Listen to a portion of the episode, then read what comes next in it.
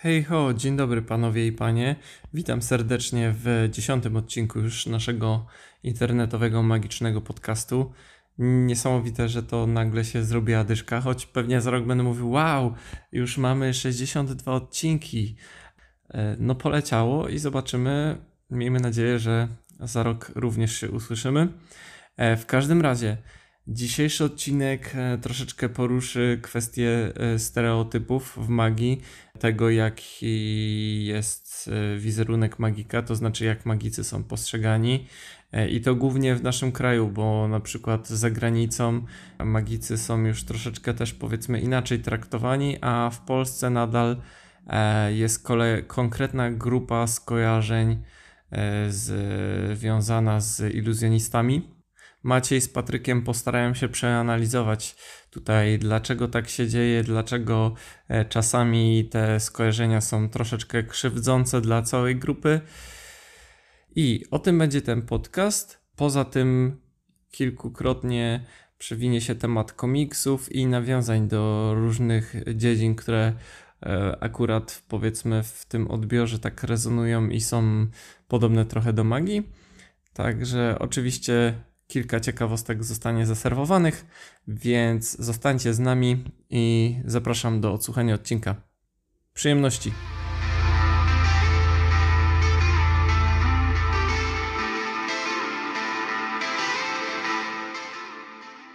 Dzień dobry Państwu. Dzień dobry, witamy Was w kolejnym internetowym, magicznym podcaście. Ja nazywam się Król Maciej i Patryk, również Król. Zbieżność nazwisk jest kompletnie nieprzypadkowa. I dzisiaj chcieliśmy porozmawiać o tym, jak magia jest postrzegana w Polsce. Co rzutuje bezpośrednio na to, jak magik jest postrzegany w Polsce, co rzutuje na to, jak magik jest postrzegany, kiedy występuje i kiedy podchodzi do Twojego stolika. I kiedy też po prostu się o nim rozmawia. Jeżeli, jeżeli założymy, że ktoś rozmawia o magikach. Tak, a magicy w Polsce mają konkretny wizerunek i nie mówimy tutaj o tym jednym magiku, który był raperem. Y, chciałem wymyślić jakiegoś pana, e, takiego, taki żart sytuacyjny, ale sobie daruję. Więc, Patryku, jak jest postrzegany magik w Polsce? Właśnie to jest y, problematyczne, bo wiadomo, każdy widzi magika i wszystko na swój własny sposób. Aczkolwiek magia w Polsce nie jest, moim zdaniem przynajmniej, postrzegana jako wysoka sztuka. Nie można jej jeszcze postawić na równi z operą czy baletem. Przynajmniej powszechnie nie jest to tak robione. Tak, a bardzo często magia aspiruje do sztuki wysokiej i często zasługuje na to, żeby mieć miejsce wśród opery, baletu czy teatru. Zdecydowanie zasługuje, tylko wymaga odpowiednich nakładów pracy. Tak, i o tym będziemy gadać, bo tak jak przypuszczam, że każdy z naszych słuchaczy zna definicję konia z pierwszej encyklopedii kiedykolwiek napisanej. Koń, jaki jest, każdy widzi.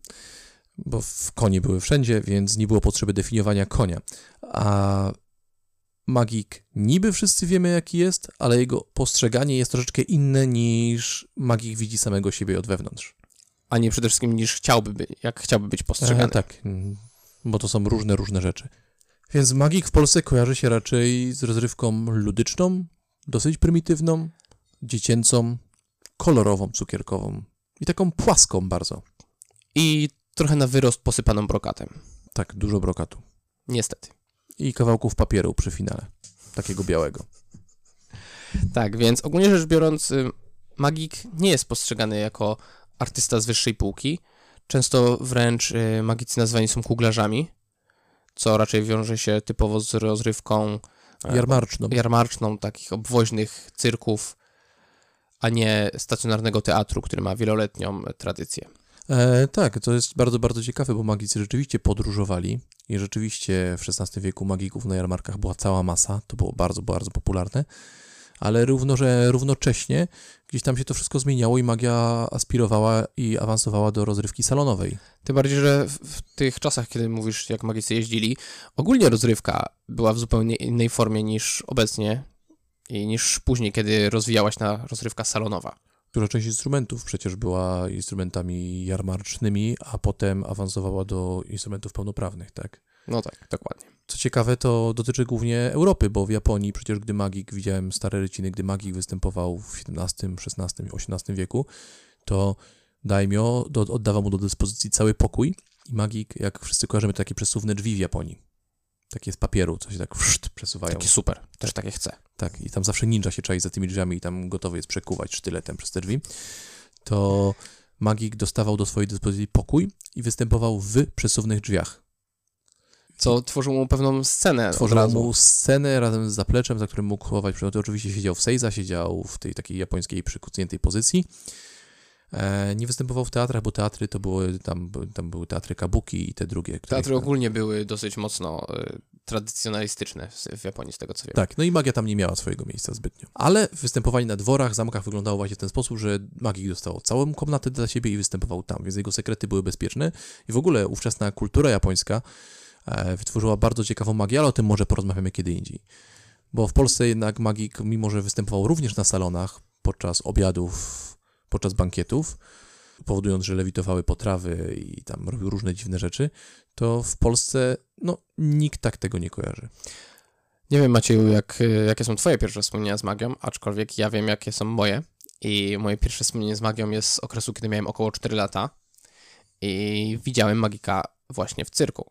Mhm. No to ja, moje pierwsze wspomnienia z magią datują się jak miałem z 19 lat i, czy 20 i Dynamo i Darren Brown wtedy pojawili się w telewizji i wszyscy zastanawialiśmy się, czy czasem Darren Brown nie robi tego naprawdę, a Dynamo czasem nie jest synem demona, który ukrywa to, że ma moce, bo ma moce i musi z nich korzystać, za pomocą tego, że udaje, że wykorzystuje do tego sztuczki.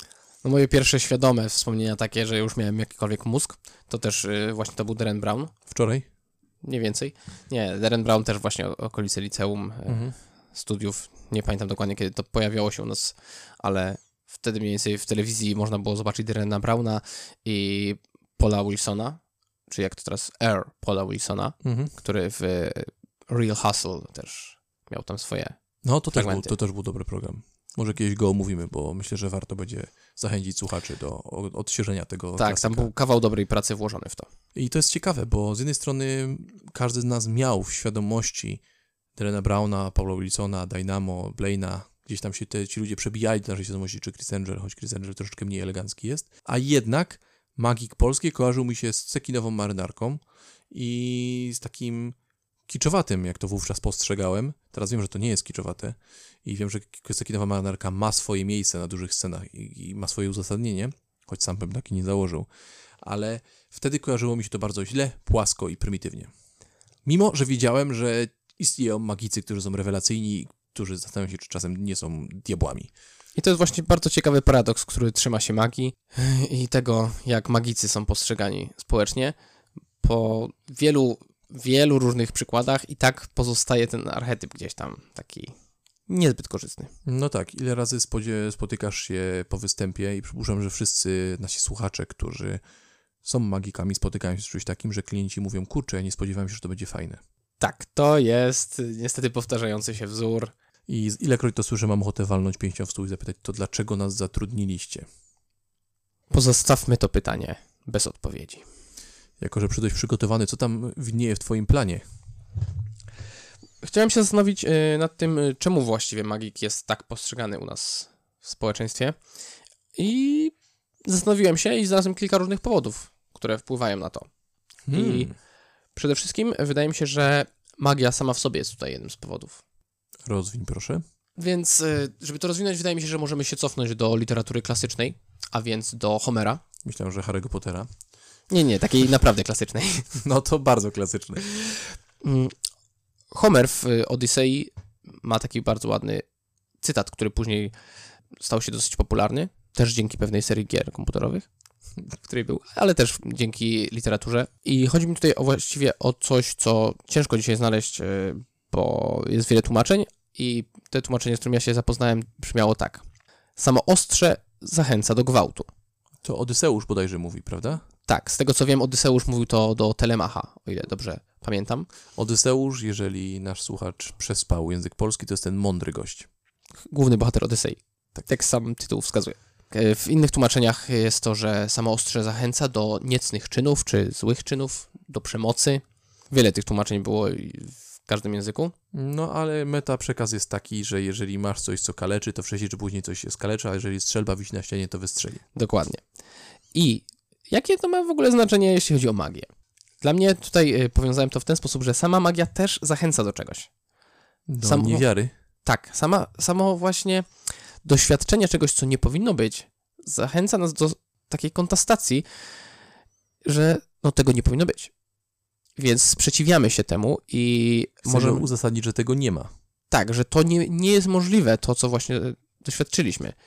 Więc możemy sami chcieć, tutaj już od, z, wynika to z samej istoty magii, chcieć zaprzeczyć temu, co wiemy, że doświadczyliśmy. No ale hej, idziesz na Piotrusia Pana do teatru i Piotruś Pan tam lata i ty wiesz, że on nie lata, a jednocześnie nie masz ochoty tego odrzucić, mimo że on lata.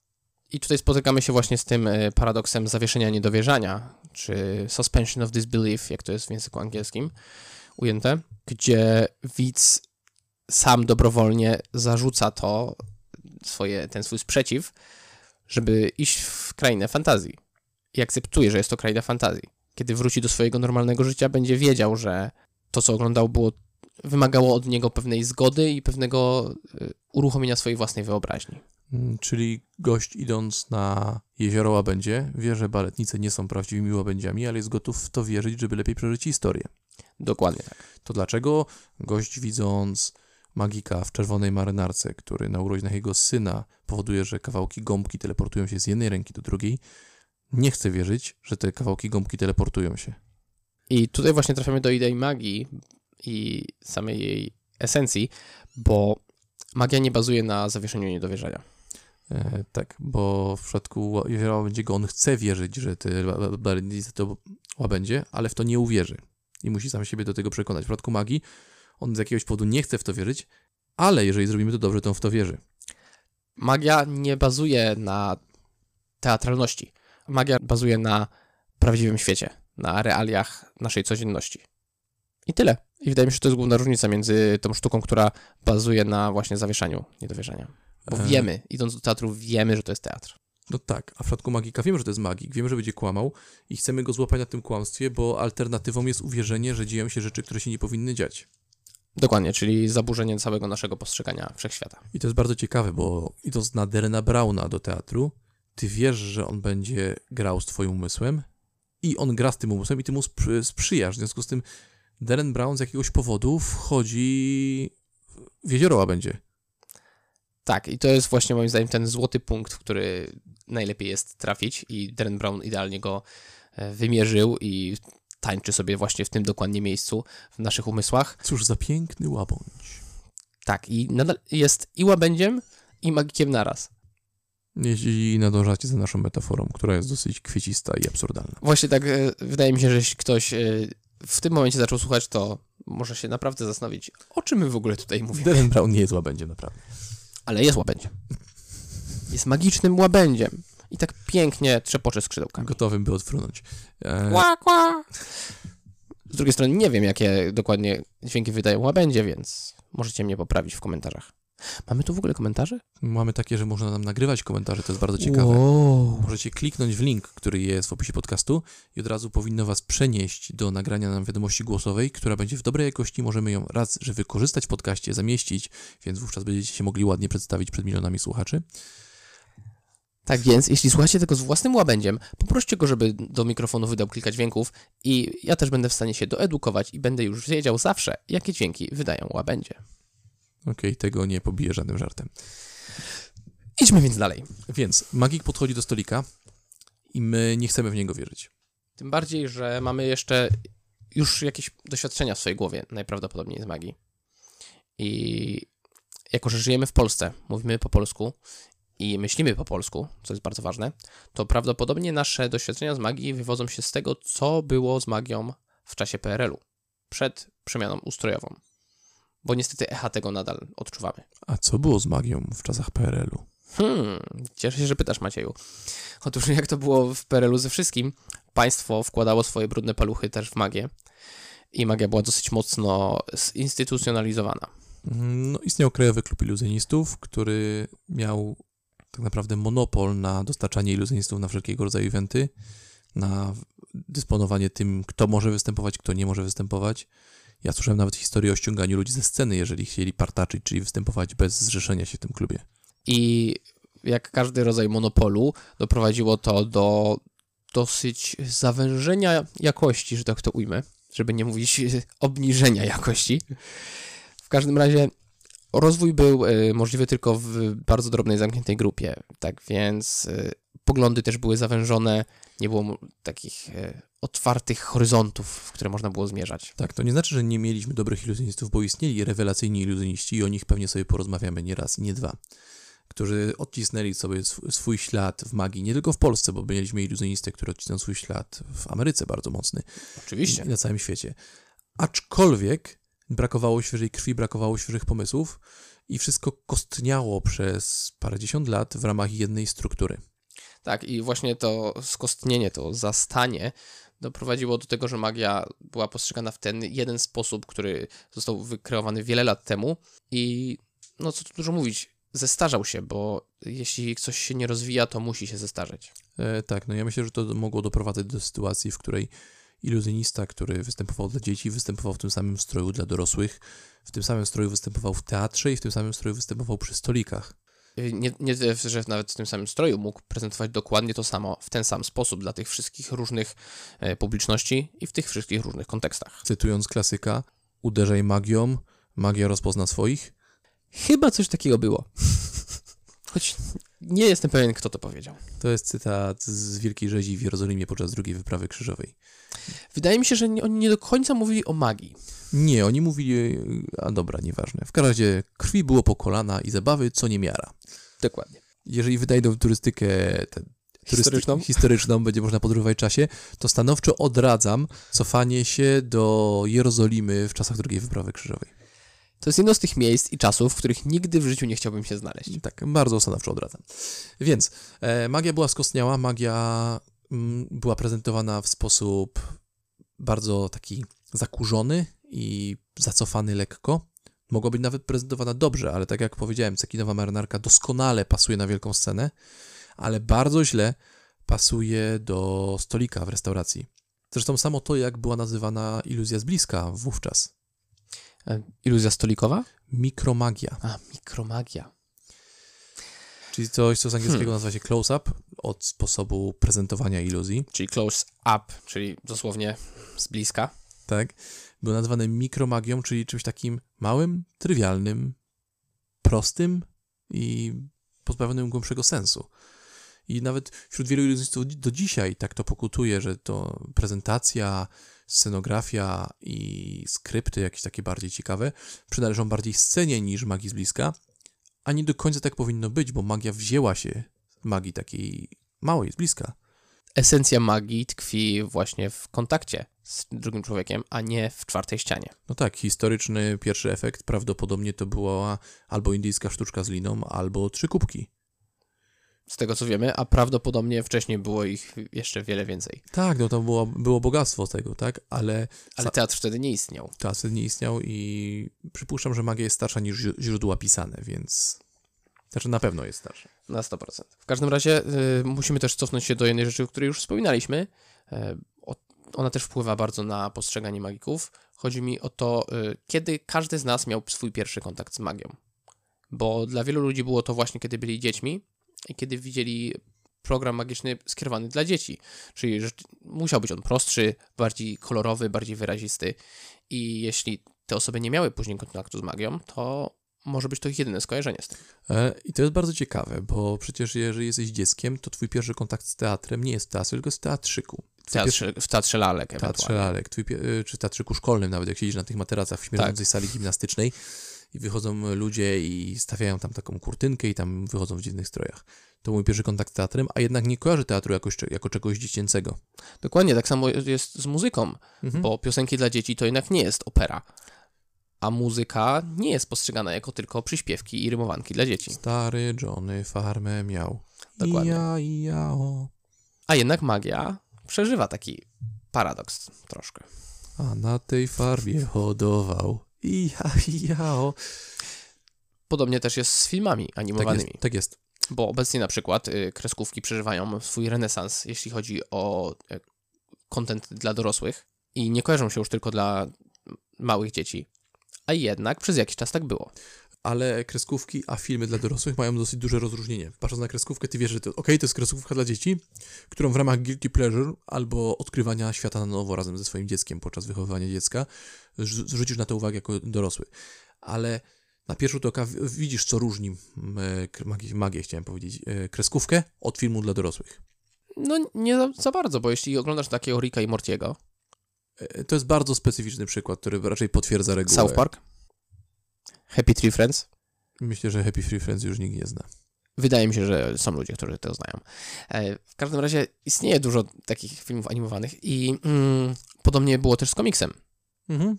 Bo komiks kiedyś rzeczywiście kojarzył się jako wychodzące raz na tydzień y, rysunkowe historyjki dla dzieci o superbohaterach, Mm, tak.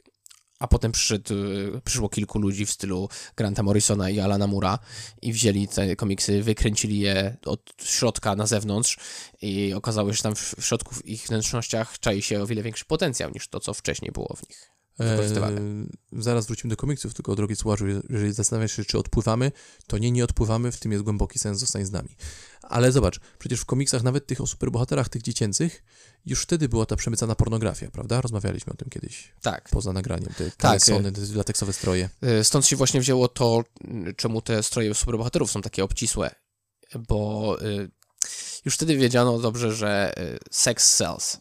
I twórcy szukali sposobu, jak pokazywać swoich superbohaterów jak najbardziej rozebranych, bez pokazywania ich rozebranymi, bo była cenzura. Tak, bez obrzydliwej ostentacji i erotyzacji tych modeli. Tak, ale wiedzieli, że nawet podświadomie to będzie działało na ludzkie mózgi, więc dali im te obcisłe stroje, które miały sugerować mózgowi nie bezpośrednio, że ogląda coś dla niego atrakcyjnego. No tak, no i minął czas i postrzeganie komiksów dosyć mocno się zmieniło.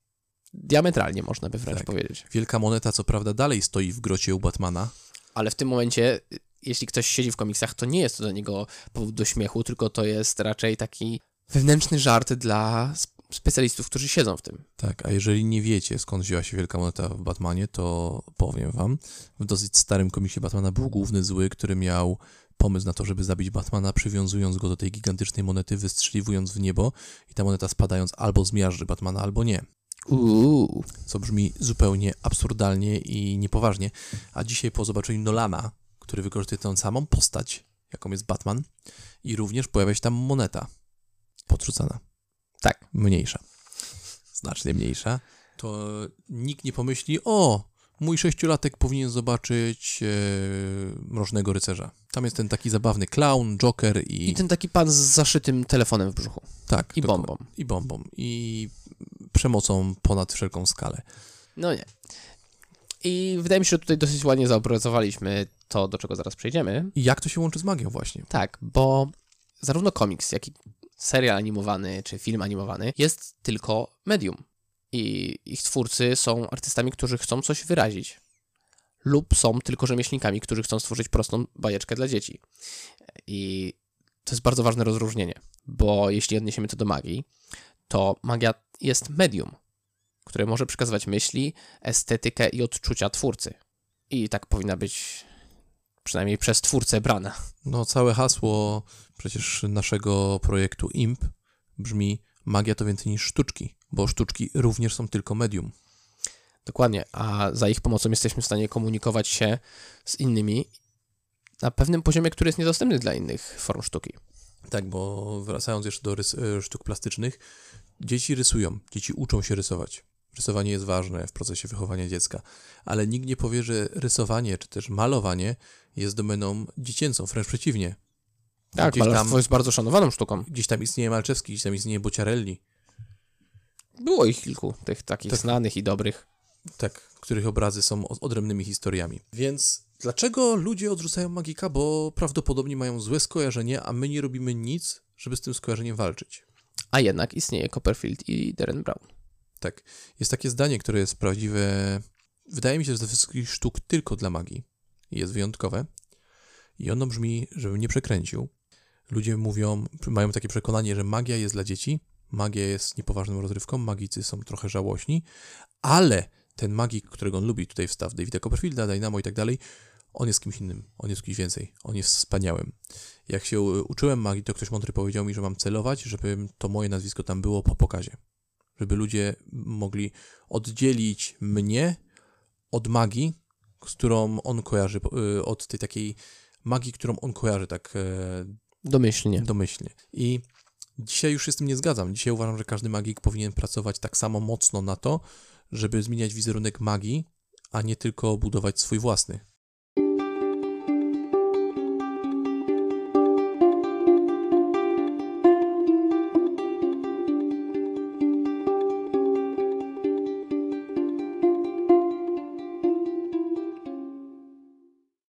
W ten sposób przeszliśmy płynnie do tego, co chcieliśmy właśnie teraz omówić, czyli do tego, jak sami magicy podchodzą do swojego wizerunku.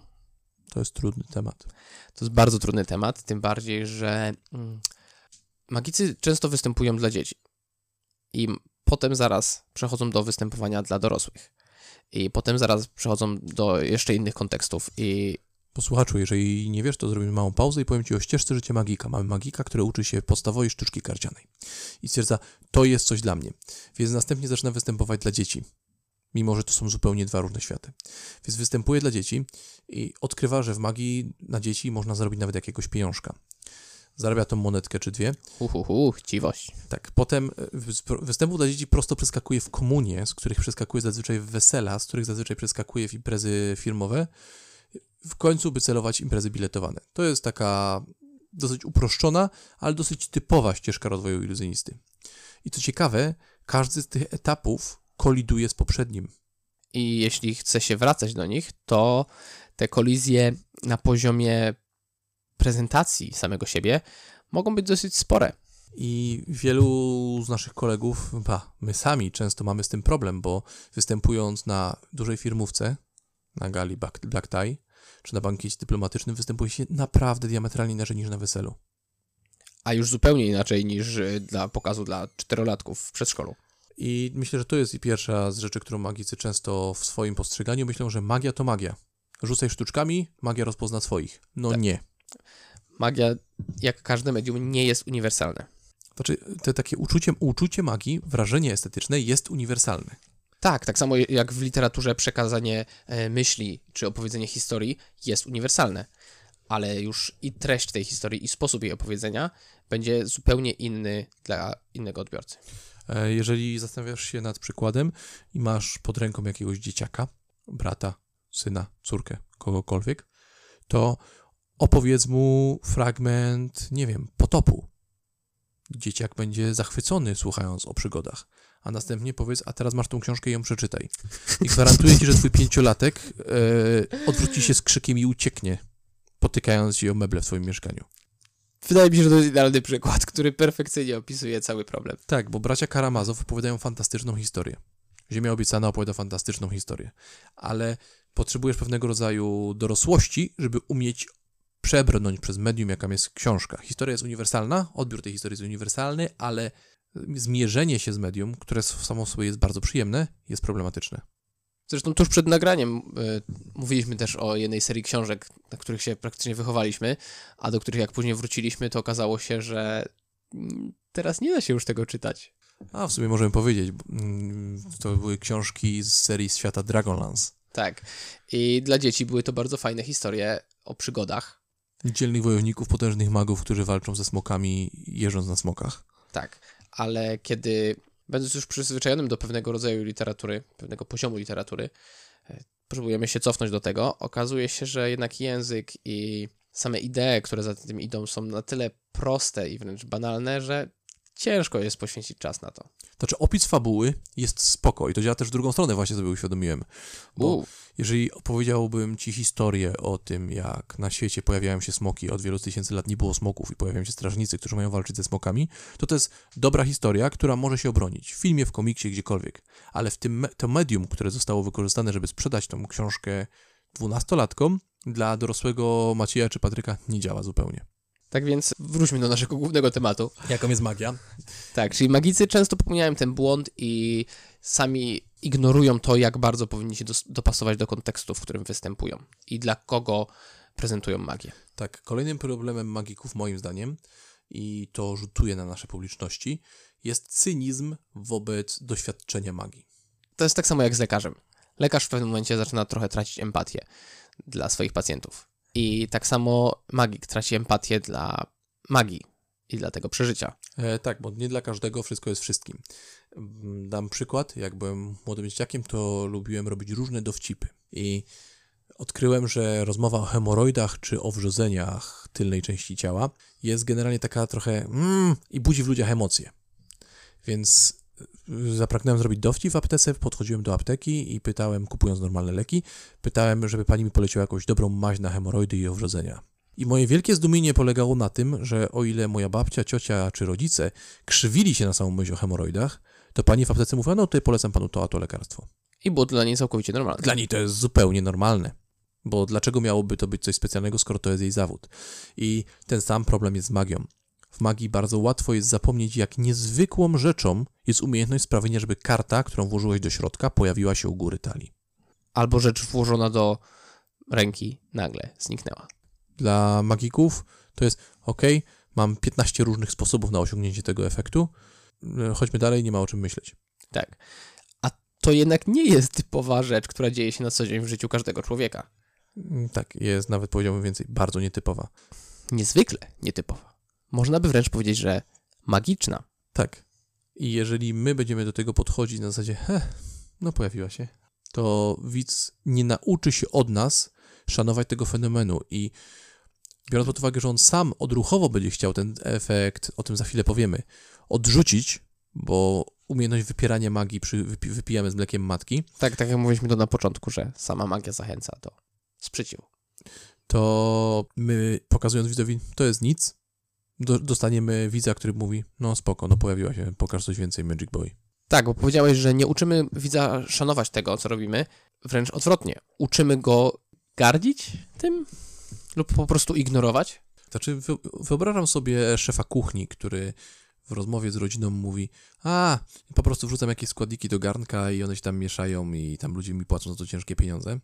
Ale nie wyobrażam sobie szefa kuchni, który przedstawiając potrawę przy stoliku, ludzi, którzy płacą ciężkie pieniądze za te trzy kropelki groszkowo-oliwkowego sosu nakapane na talerz w połączeniu z mięsem małżowo-homarowym wymieszanym w bigosie e, w kuchni molekularnej, po, przygotowane w ciepłym azocie, mówi, no coś tam w ciepłe grzech i smacznego, żyjcie tam zdrowo. Swoją drogą, jeśli Maciej kiedyś otworzy taką restaurację, to polecam. Zapraszam na mój bigos homarowo-ostrygowy przygotowany w ciepłym azocie. Doświadczenia na pewno będą niepowtarzalne. E, szef kuchni rozumie, że jedzenie jest przeżyciem. Szef kuchni rozumie, że to jest coś więcej niż kalorie i wymieszane składniki. I my magicy też powinniśmy to rozumieć, a często o tym zapominamy. Jest nam niezwykle łatwo. Tak. I tak samo jak patrzymy na kucharza, bo, który powinien być y, gruby, wtedy wiemy, że możemy mu zaufać, tak samo magik powinien odnosić się z szacunkiem do tego, co robi. I nosić brodę? Broda koniecznie. Tak, broda jest ważną cechą. To wyrasta samo, kiedy się zajmujesz kartami. Co więcej, jeśli odpowiednio długo zajmujesz się magią, to y, włosy na brodzie robią się tak twarde, że nie da się ich zgolić. Mm, Tak, jeżeli jesteś słuchaczem i nie jesteś magikiem, podejdź do magika i zapytaj, czy możesz dotknąć jego brody. Po twardości jego brody będziesz w stanie ocenić jego poziom magii. A jeśli okaże się, że broda jest sztuczna i przyklejona, to już sam sobie dopowiedz resztę. Chyba, że pod spodem nosi prawdziwą. Uuu. Kiedyś robiłem taki gag na scenie. Polecam, ale to trzeba było zobaczyć. Tak. Więc magicy podchodząc e, niepoważnie do swojej sztuki uczą pod, podchodzić niepoważnie do tego, co rzutuje na cały obraz magii. I później mamy różne objawy tego, bo mm, wydaje mi się, że warto też zwrócić uwagę na to, jak magia jest przedstawiana w kulturze. Bo jeśli zerkniemy do telewizji, to magia przejawia się tam w dwóch y, formach. Albo w programach typowo magicznych w stylu Davida Blaina, y, Dynamo, Derena Browna. Ale magia też jest, y, mówi, o, o niej się też mówi. Magia też występuje w filmach y, jako temat rozmów, występuje w kabaretach, bo Jako chłopiec do bicia. tak, jako, często właśnie jako chłopiec do bicia, jako temat, z którego spokojnie możemy się pośmiać i wykonawcy magii też często są tematem e, komedii. No zresztą, to czym z magii łatwo jest się bardzo śmiać. Zresztą w tym super serialu Jak poznałem waszą matkę, Tak. Neil Patrick Harris, który swoją drogą jest szefem największego na świecie klubu dla iluzjonistów, Był, z tego co wiem, był. okej, to był.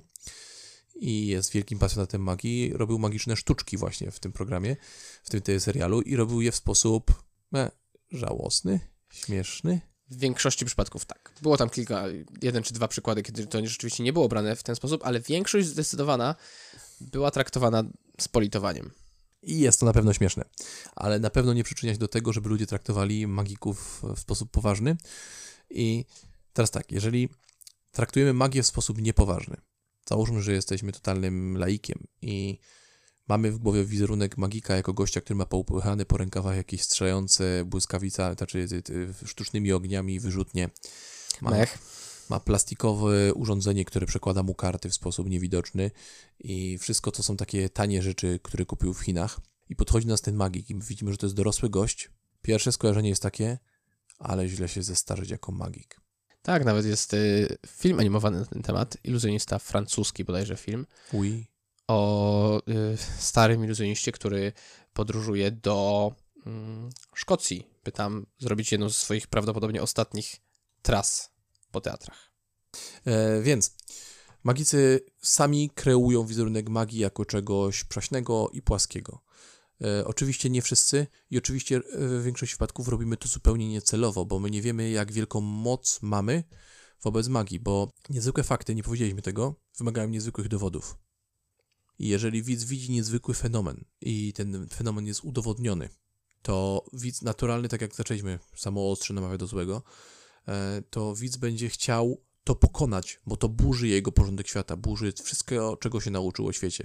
I będzie łapał się wszystkiego. Z tego względu jeżeli występujemy i podwijamy rękawy, to ludzie mówią, a możesz to zrobić z opuszczonymi rękawami? I vice versa, kiedy występujesz z opuszczonymi rękawami, ludzie mówią, a bo ukrywasz coś w rękawach. Jeżeli podczas pokazu schowasz jedną rękę do kieszeni, widzowie będą uważali, że okej, okay, robiłeś to tą ręką w kieszeni, mimo że to nie ma żadnego sensu. Więc rolą magika jest sprawić, żeby widz nie miał czego się złapać, bo jeżeli nie będzie się miał czego złapać, to przeżycie dla niego stanie się prawdziwe i piękne. A tak właśnie powinien być cel. Tak, a nawet jeżeli widz nie będzie miał się czego złapać, zrobimy niezwykłe, magiczne przeżycie, sprawimy, że widzowi otworzą się oczy z zachwytu i busia zrobi literę O i będzie takie O.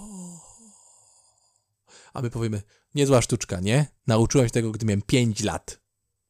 Eee, ciężko mi to nawet skomentować. to w tym momencie wyobrażam. magiczne przeżycie właśnie się skończyło. Dziękuję, dobranoc, możemy się rozejść. I kolejnym przykładem, problemem dla, w postrzeganiu magii jest to, że dla ludzi magik to magik.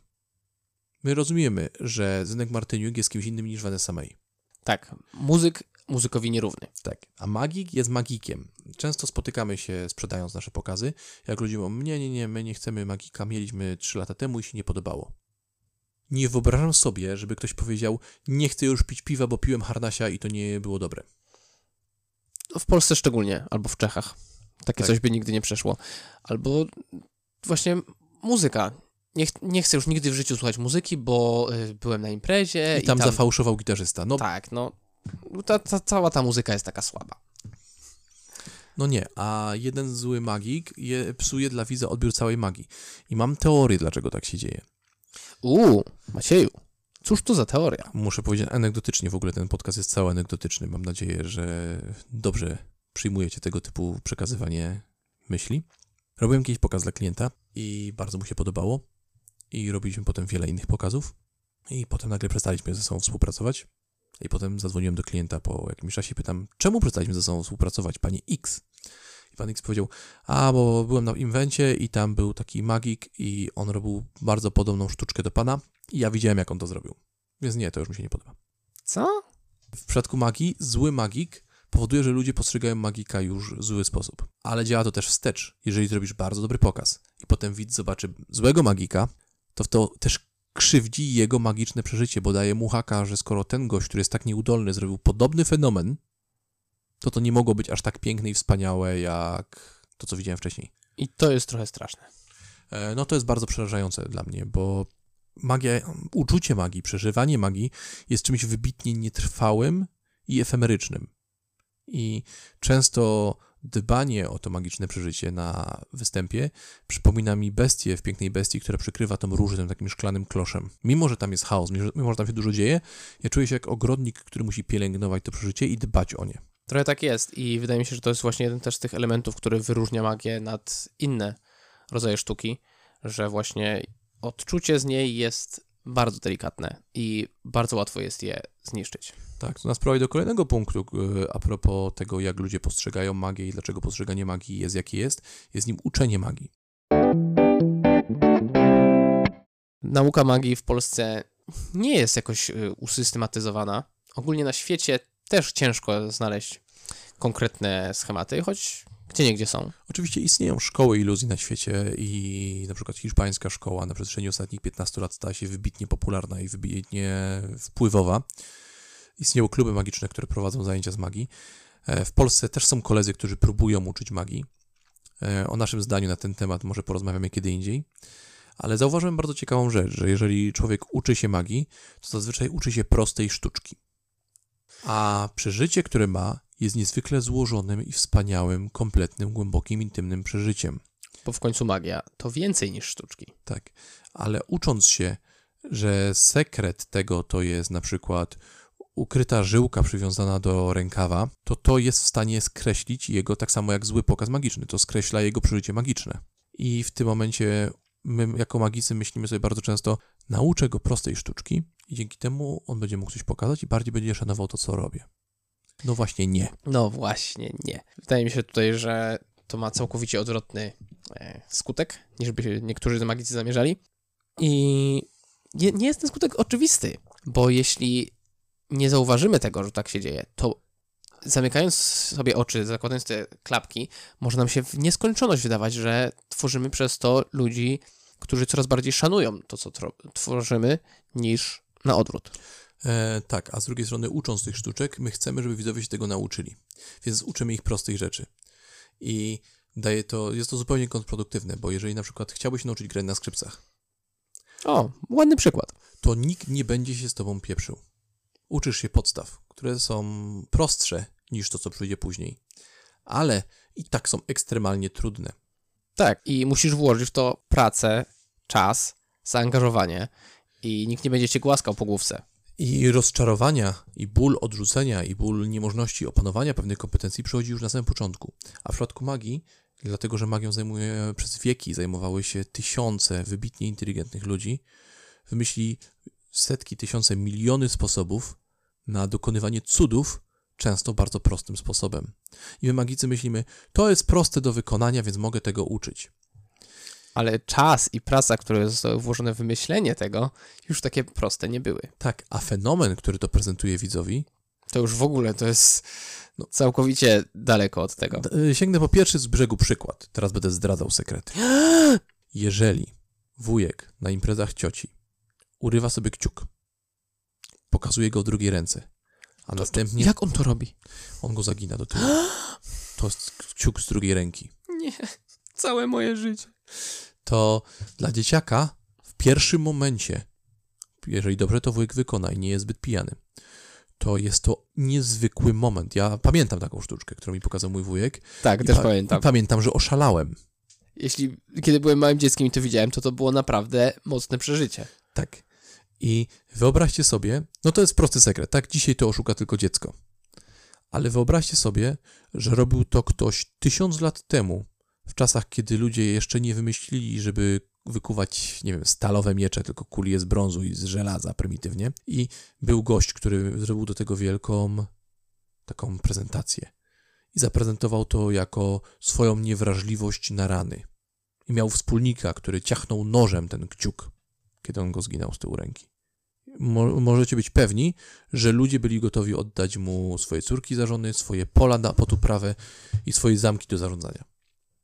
Bo ten gość umiał leczyć rany, więc dotykał marzenia o nieśmiertelności, marzenia o nietykalności, marzenia o przezwyciężaniu tego, co ludzkie, śmiertelne i ulotne.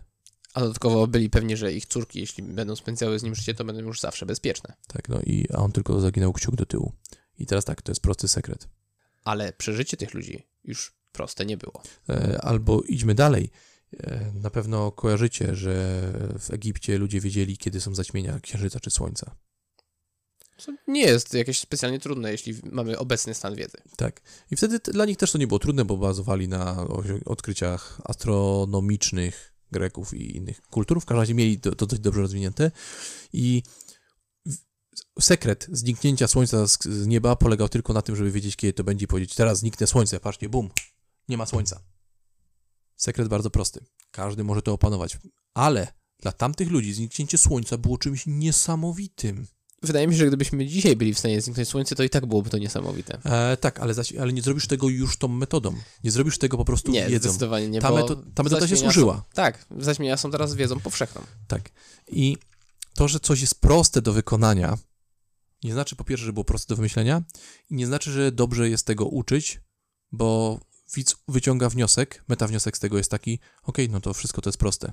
Ile razy spotykasz się na występie z widzami, którzy mówią, no ale to są proste sztuczki, to jest zręczność dłoni. Mimo, że czasem zręczność dłoni nie ma nic do rzeczy, a czasem nawet niektórzy magicy nie mają dłoni. Mm, tak. Pozdrawiamy cię, Madi. E, często spotykam się z ludźmi, którzy próbują trywializować doświadczenie, które im dostarcza, mówiąc, a, bo on ma te szybkie ręce, moje oko nie jest w stanie zauważyć ręki. I to też jest popularny mit, bo był magik, który mówił, moja ręka jest szybsza niż twoje oko, ty tego nie widzisz, czyli dawał ludziom wyjaśnienie. I to wyjaśnienie trywializowało magię wówczas, z czego on sobie prawdopodobnie nie zdawał sprawy, i trywializuje magię do dzisiaj, bo jeżeli ja pozwolę widzowi myśleć, że po prostu robię coś, czego on nie widzi, bo moje ręce są szybsze niż światło, co jest samo w sobie absurdalne, ale on myśli, że tak jest i słyszał to, więc wie, że magicy mogą takie prędkości osiągać i dla niego to nie jest nic zwykłego, magii nie będzie. Ja po prostu przekładam te karty tak szybko, że on tego nie widzi. Wówczas on może doceniać mój kunszt, może doceniać moje kuglarskie zdolności, ale nigdy w życiu on nie powie, to się nie dzieje, ale to się dzieje. Co jest prawdziwe? I tutaj właśnie magia zbliża się bardziej do żonglerki, do pokazu umiejętności niż do niesamowitych fenomenów. Tak, więc uczenie magii może być problemem, dostępność w internecie do sekretów. I to właśnie tych prostych sekretów jest problemem, bo gdyby magicy, którzy uczą magii w internecie, konfrontowali widza z sekwencyjnymi efektami pana Ortiza, to wówczas widzowie by podchodzili do tego, to tego się nie da spamiętać, tego się nie da zrozumieć, co tu się w ogóle dzieje.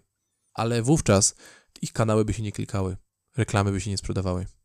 I Tak, bo oglądanie tego nie byłoby proste i na tyle przyjemne, że można by to było robić przy jedzeniu śniadania. Tak. Znaczy nie chcę tutaj wchodzić e, w rant na temat uczenia magii, o tym pogadamy kiedy O tym indziej. innym razem, ale możecie być pewni, że pewnie do tego wrócimy. I'll be back. Więc uczenie magii również jest problemem w postrzeganiu magii.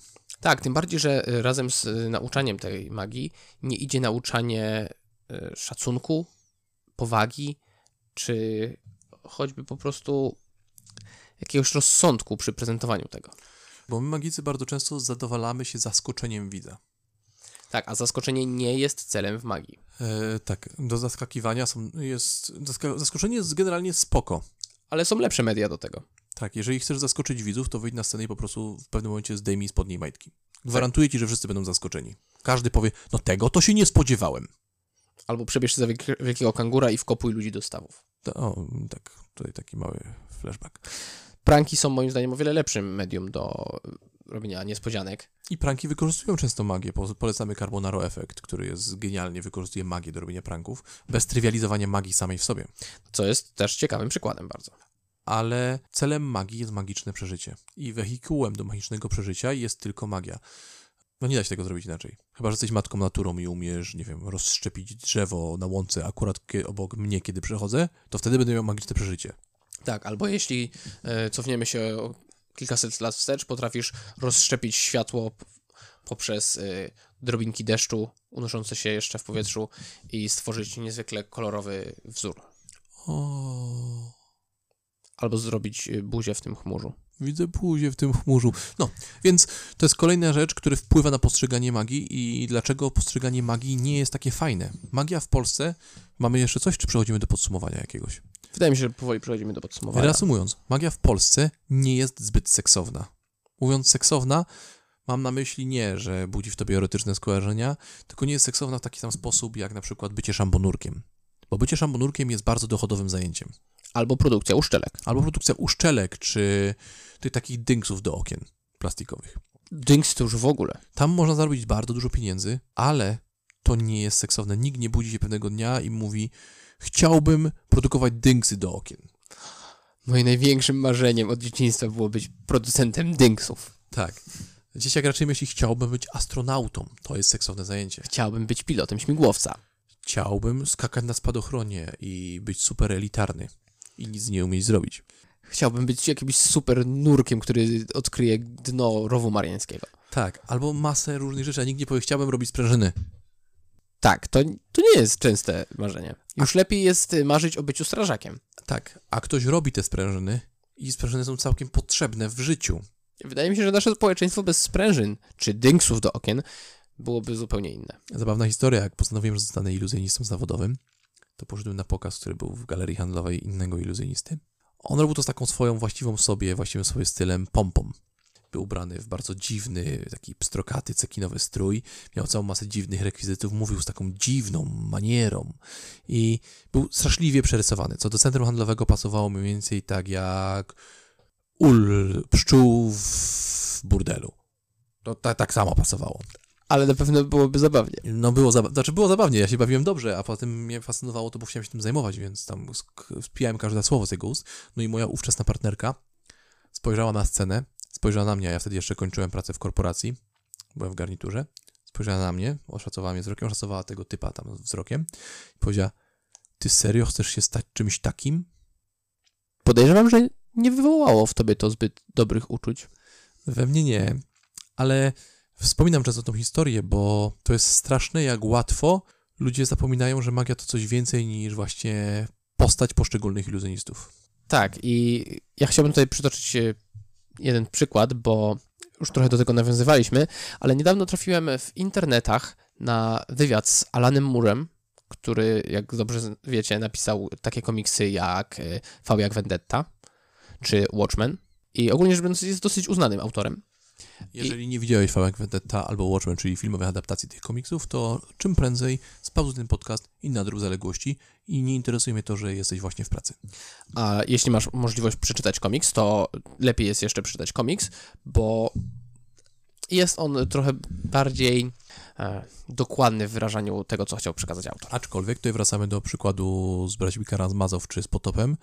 Alan Moore pisze dosyć trudne komiksy, więc jeżeli nie jesteś wykształcony w cieszeniu się komiksem, to prawdopodobnie odbijesz się z tego jak ja od zamkniętych drzwi, których nie widzę, bo mam słaby wzrok. Tak, a dlatego film jest o wiele łatwiejszy w odbiorze, więc polecam też filmy. W każdym razie, wywiad był z roku 1985 i Alan Moore został tam zapytany o to, jak komiksy są postrzegane społecznie. Hmm, dostrzegacie pewną tutaj, pewne podobieństwo. I komiksy nie były wtedy postrzegane zbyt dobrze. Były postrzegane jako historyjki dla dzieci e, o superbohaterach, które kiedyś tam się zaczęły w latach 30. robić popularne. I Alan Moore się zastanawiał, co musiałoby się stać, żeby komiksy były postrzegane jako porządne medium do przekazywania wartościowych historii i pomysłów, jak rozwiązywać problemy w naszym codziennym świecie. Bardzo ciekawy wywiad. Jeśli ktoś z was, kogoś z Was interesuje Alan Moore, to polecam. Jest dużo rzeczy z jego e, występami takimi publicznymi na internetach. W każdym razie on doszedł do wniosku, że najważniejsza rzecz, jaka może być, to trzeba po prostu tworzyć dobre komiksy. Dobrze wykorzystywać medium, a nie tylko skupiać się na tym, żeby tworzyć proste historyjki dla dzieci. I wydaje mi się, że tak samo jest z magią. Jeśli magia ma być postrzegana jako coś poważnego, jeśli magia ma być postrzegana jako rzeczywista, prawdziwa, wartościowa sztuka, to cały ciężar spoczywa tutaj na wykonawcach i twórcach magii, na magikach. No i jako proste historyjki, o których Patryk mów- powiedział, możemy wziąć tę metaforę do uczenia magii, co jest bardzo prostym sposobem do robienia rzeczy nie pasujących do kontekstu, w którym je wystawiamy i ogólnie do kaleczenia magii, tak? Robienia jej po prostu, żeby zrobić sztuczkę i zaskoczyć ludzi. Bo tu jest znacznie więcej, tak samo w komiksach jest znacznie więcej niż ubrany w rajstopy gość, który obściskuje się z ubraną w latek z dziewczyną. Tak, y, obydwa te media mogą przekazać bardzo skomplikowane idee i takie, które ciężko jest też y, odebrać, jeśli nie jest się koneserem przyswajania danych przez dane medium właśnie. Tak, on w tym wywiadzie jeszcze wspominał o tym, że robienie magii, znaczy on mówił o komiksach, ale już to przełożę. Robienie magii dla fanów magii jest zjadaniem własnego rynku. Rynek wcześniej czy później będzie się kurczył. My potrzebujemy sprawić, żeby magia była na tyle atrakcyjna, żeby ludzie myśląc o rozrywce myśleli nie tylko kabaret, malowanie piaskiem, fotobudka czy wódka, tylko żeby myśleli również magia. Bo magia ma na tyle mocy. A przez to, że aktualnie magia nie jest seksowna, planując event, planując wesele, planując komunię czy cokolwiek, nie myślisz w pierwszej kolejności wezmę magika, nie myślisz w drugiej kolejności wezmę magika, nie, nie myślisz w czwartej, piątej kolejności. Może w dwunastej? Tak, magik przegrywa z DJ-em, magik przegrywa z fotobudką. Ja rozumiem, że magik przegrywa z ładnie dobranymi kolorowymi obrusami. Rozumiem, to to jest ważne dla pewnych ludzi. Ale jeżeli mamy wydarzenie, mamy występ, który może tak naprawdę stać się taką wisienką na torcie całego wydarzenia, może być kulminacją, może być inaczej. Jeżeli chcesz, żeby ludzie zapamiętali twój event, możesz zaprosić Pink Floydów. Uuu. Możesz zaprosić Marylę Rodowicz. Jestem przekonany, że pojawienie się gwiazdy takiego kalibru sprawi, że ludzie zapamiętają twoje wydarzenie. To jest niezwykłe. Ludzie sobie zrobią zdjęcie, powiedzą, byłem na koncercie Maryli Rodowicz i ona zaśpiewała Jolka, Jolka, nie wiem, co tam się... Też nie wiem. Ona śpiewa tylko Koni Żal na przykład, tak? Albo Sin Sin nazywają go. Zaśpiewa swoje klasyki i wszyscy będą... No, to jest mocne wydarzenie. Ale za ułamek tej kwoty możesz wziąć gościa, który w dobrym garniturze sprawi, że stanie się coś niemożliwego.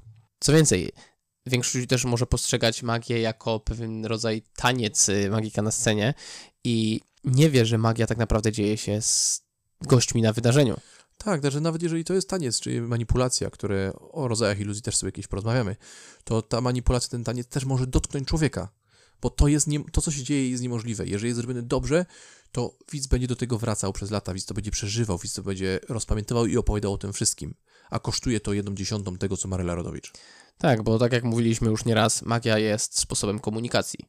Tak jest. I jest bardziej elastyczna, bo jestem przekonany że gdybyś zatrudnił jakimś cudem Zbigniewa Herberta, który wyszedłby na środek i powiedziałby swoje przesłanie pana Kogito, to to by dotknęło pewnych ludzi bardzo mocno, inni by to mieli gdzieś.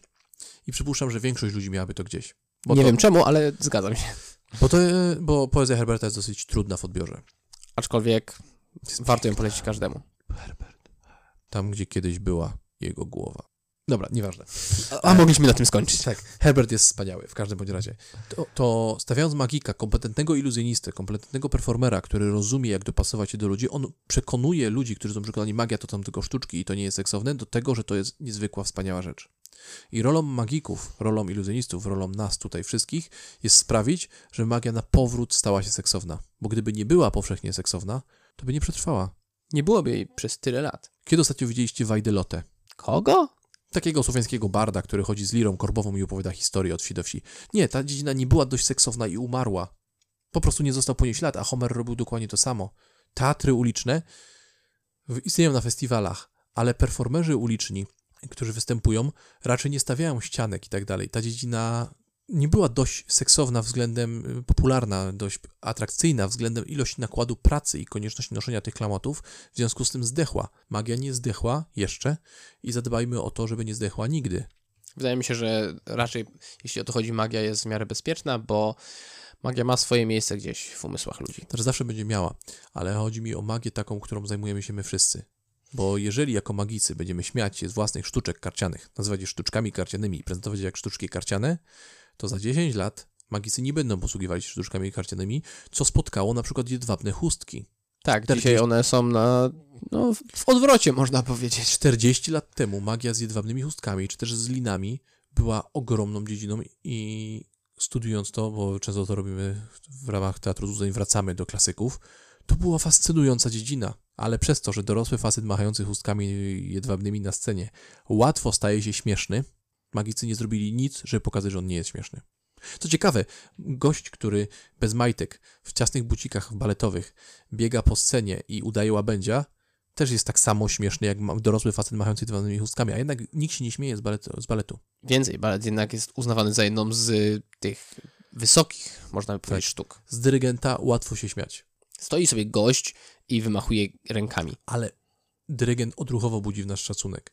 Z gościa, który recytuje wiersze, tak samo. Y, Z gościa, z szalonego malarza również. Ale te wszystkie dziedziny zadbały o to, żebyśmy postrzegali ich jako godnych szacunku i kompetentnych. Jako magicy musimy zrobić to samo, bo inaczej postrzeganie magii będzie szło w tą stronę, w którą idzie. a nie jest to najlepsze. Tak więc, cały ciężar w was, magicy, jeśli nas słuchacie, cały ciężar w nas, jeśli nie jesteście magikami. I wydaje mi się, że każdy z nas powinien dokładać cegiełkę, żeby tam cała magia była w coraz lepszej sytuacji.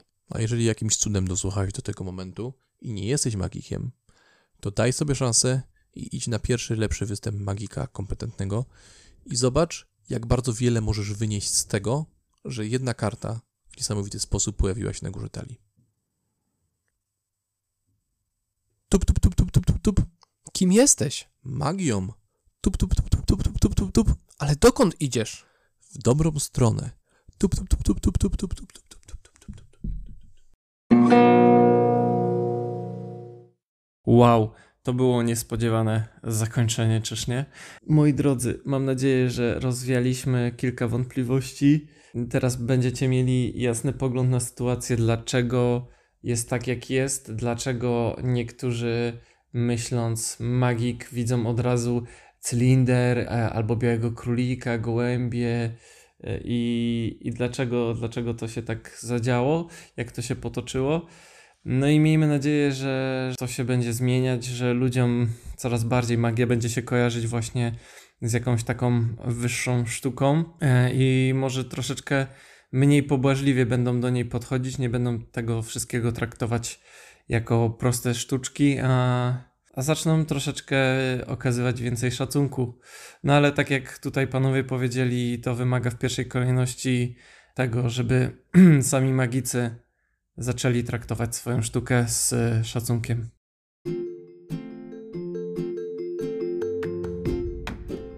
Także dziękuję Wam serdecznie za odsłuchanie tego odcinka. Przypominam tylko, że możecie nas znaleźć jako e, Teatr Złudzeń e, na Facebooku, Instagramie oraz na stronie teatrzłudzeń.pl i Jeszcze taka jedna szybka notatka, Maciej o tym wspomniał, ale tutaj w opisach e, podcastu jest taki link i jeśli klikniecie na ten link, możecie nam zostawić wiadomość głosową e, ze swoją opinią, komentarzem, jakimiś uwagami. Możecie nam się nagrać na audio i my to potem możemy zamieścić w odcinku, więc jeśli macie ochotę, to bardzo by nam było miło, jeśli byście zostawili jakąś opinię. I z tego co się orientuję, a słabo się orientuję, e, na Apple Podcastach chyba. Apple, Apple, przepraszam, Apple Podcastach e, chyba jest też możliwość zostawienia opinii czy wystawienia oceny pod danemu podcastowi, więc jeśli podobają Wam się nasze dywagacje i ciekawostki, rozważania, śmieszki, heheszki, to możecie zostawić nam jakąś króciutką e, opinię, ocenę. Byłoby nam niezmiernie miło. Póki co, trzymajcie się cieplutko i do usłyszenia za tydzień. Cześć! Raz, raz, raz. A, E, I, O, U, Y. A, E, I, O, U, Y. A, E, I, O, U, Y. Chyba jesteśmy gotowi. A, E, I, O, U, Y.